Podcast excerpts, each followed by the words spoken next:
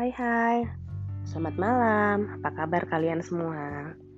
Semoga selalu dalam keadaan sehat dan bahagia terus. Udah lama ya, saya nggak bikin podcast. Setahun ada nggak? Nggak sih, nggak nyampe. Tapi hampir. Uh, hari ini saya nggak mau ngomongin hal yang tentang orang lain, tentang anak-anak, enggak saya mau ngomongin yang yang sedang kejadian sama saya. Yang lagi tren nih yang lagi ngetren. Covid. Check it out.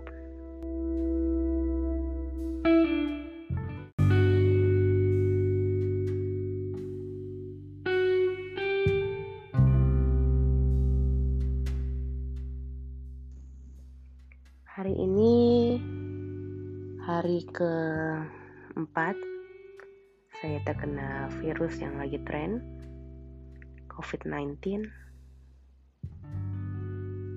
dan saya isoman sih. Huh, begini rasanya ya. Sendirian di kamar gak bisa ke mana-mana. Sakit-sakit sendiri menderita-menderita sendiri. Hmm. Ya, akhirnya saya merasakan apa yang orang lain rasakan. Apa yang orang lain pikirkan tentang COVID. Gak gampang untuk bertahan. Tapi gak sanggup juga untuk menyerah.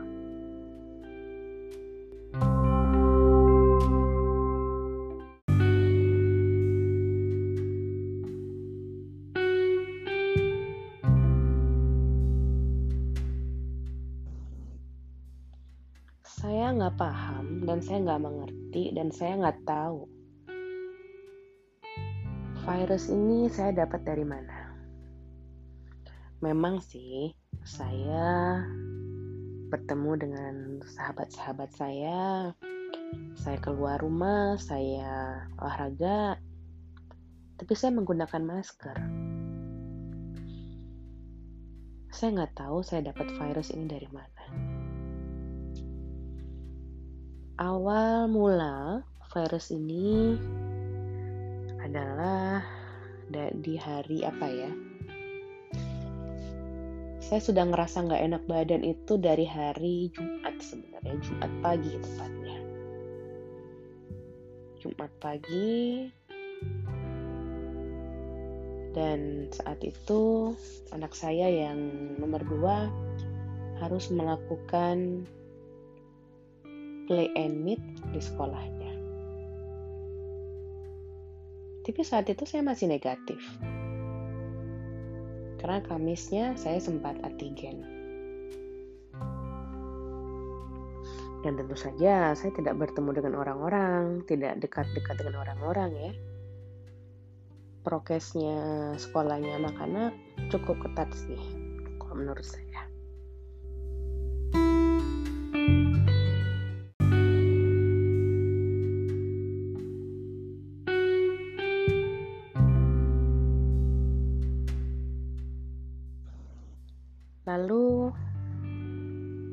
Pada hari Jumat itu saya udah ngerasa batuk tapi sedikit banget. Dalam tiga jam cuma sekali, sedikit banget. Jadi saya nggak ambil pusing lah ya. Tapi saya badan saya sudah nggak enak gitu. Lalu sorenya saya minta ibu-ibu pijat langganan saya yang dari dulu untuk pijat saya karena emang badan saya tuh ngerasa capek banget. Sempat cerita saya pijat dan akhirnya saya tidur. Lah Sabtunya saya sudah feeling nggak enak nih. Saya tes antigen mandiri dan hasilnya negatif. Udah seneng dong kalau negatif berarti aman buat anak-anak saya. Tapi feeling saya tuh udah nggak enak udah udah nggak enak aja udah batuk badan yang nggak enak nggak enak aja. Saya putuskan untuk isoman sendiri. Saya putuskan untuk isoman sendiri. Mau negatif mau positif saya isoman sendiri. Malamnya saya tidur sendiri ya. Lalu hari Minggunya.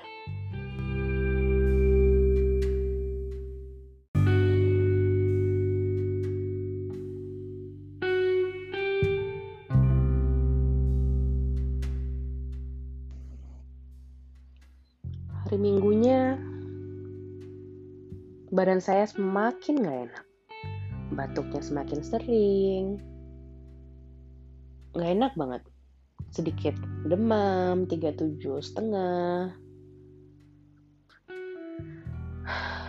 Saya putuskan untuk antigen sendiri.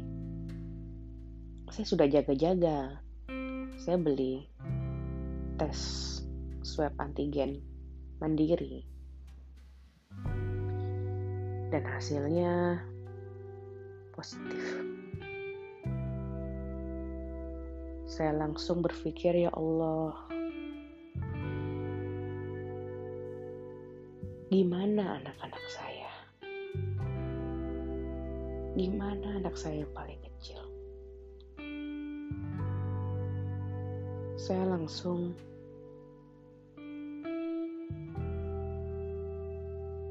diem beberapa menit, ada 10 menit. Saya langsung lemes, saya langsung mikirin anak saya yang paling kecil. Dia masih tidur sama saya.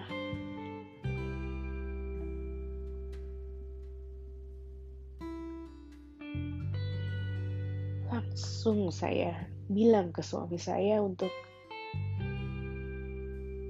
nunjukin hasil swab tersebut.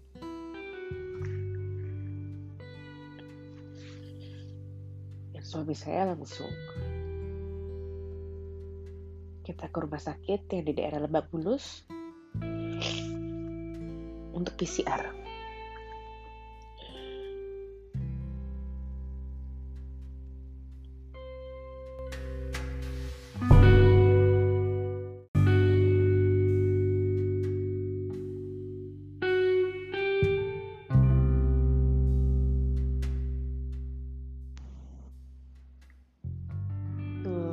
Dengan gak pakai pikir lama, kita berangkat berdua. Kita mengambil paket yang tercepat, hasilnya platinum.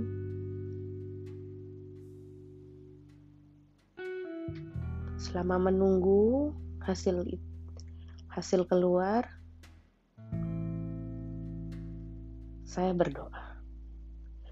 Bukan dengan hasil yang negatif, karena saya yakin hasilnya pasti positif, saya berdoa, "Ya Allah,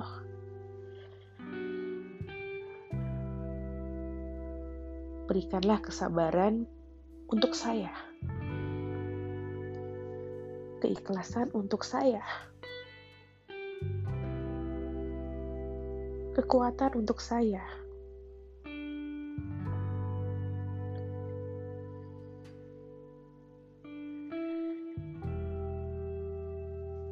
Dan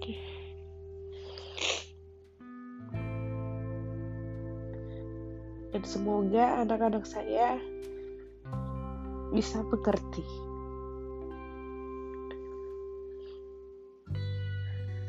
itu yang saya doa itu yang saya harapkan. Itu yang saya minta sama Tuhan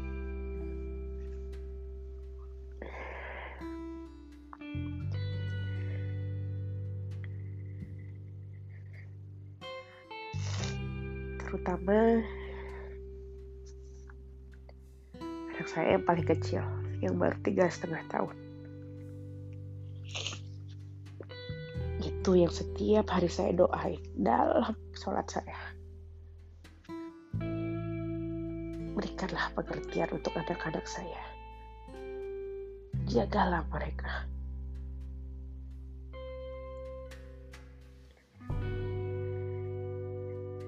Kalau dibilang gak kuat, saya gak kuat. Tapi harus. Harus kuat. Saya mencoba untuk ikhlas dan sabar.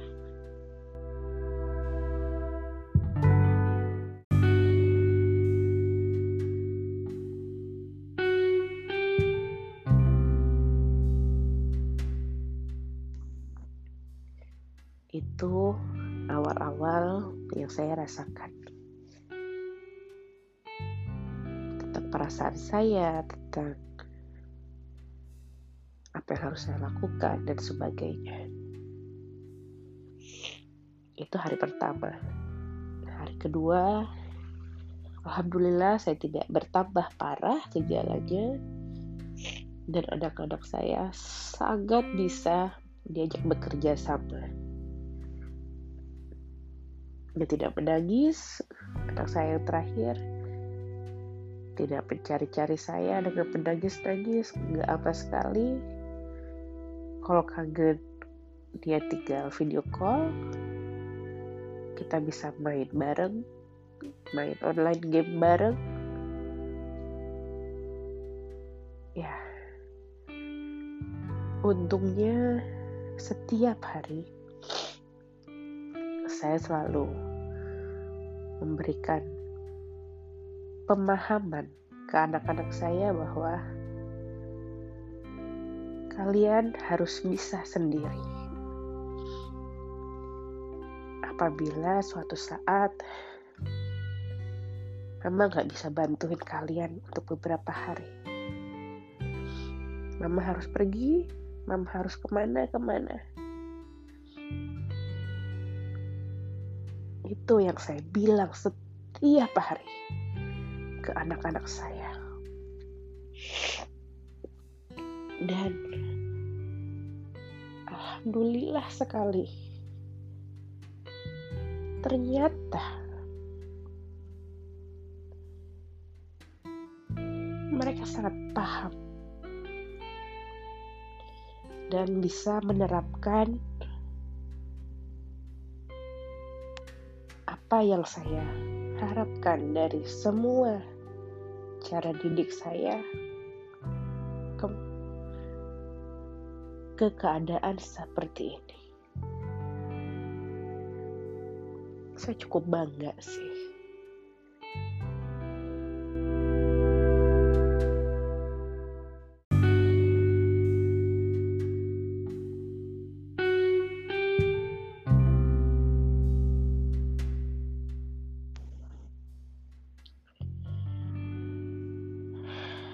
Saya cukup bangga. Saya cukup puas untuk sementara ini dengan hasil didikan saya sama anak-anak saya. Mereka mandiri, mereka cukup bisa diajak bekerja sama, mereka bisa saling menjaga. Anak saya ada tiga,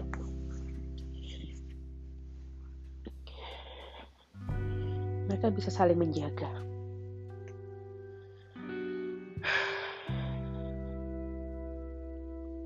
Tidak percuma selama ini saya sendirian, nggak pakai babysitter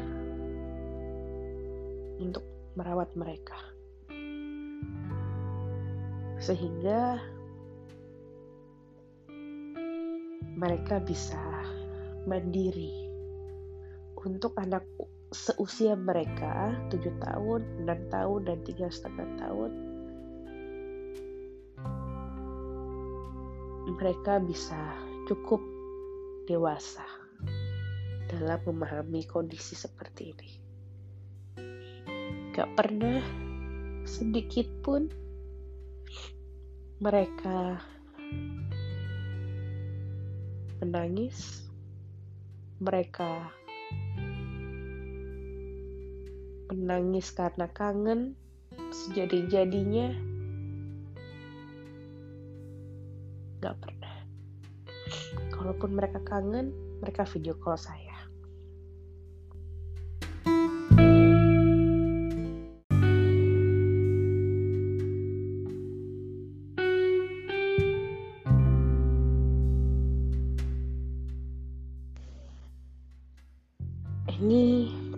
ini belum selesai. Masih ada besok besoknya dan besoknya lagi. Semoga saya bisa melalui ini dengan ikhlas lebih ikhlas. Dan segera negatif hasilnya. Dan segera bertemu dengan anak-anak saya. Untuk kalian yang sekarang sedang berjuang juga,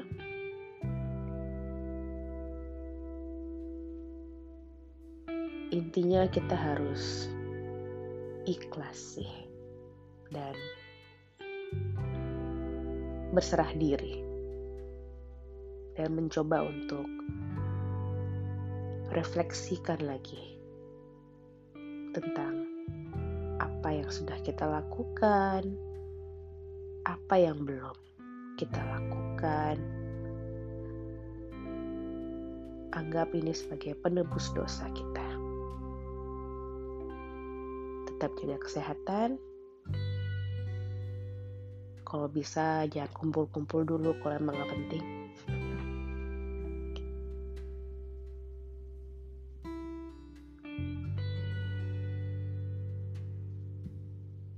Selamat malam.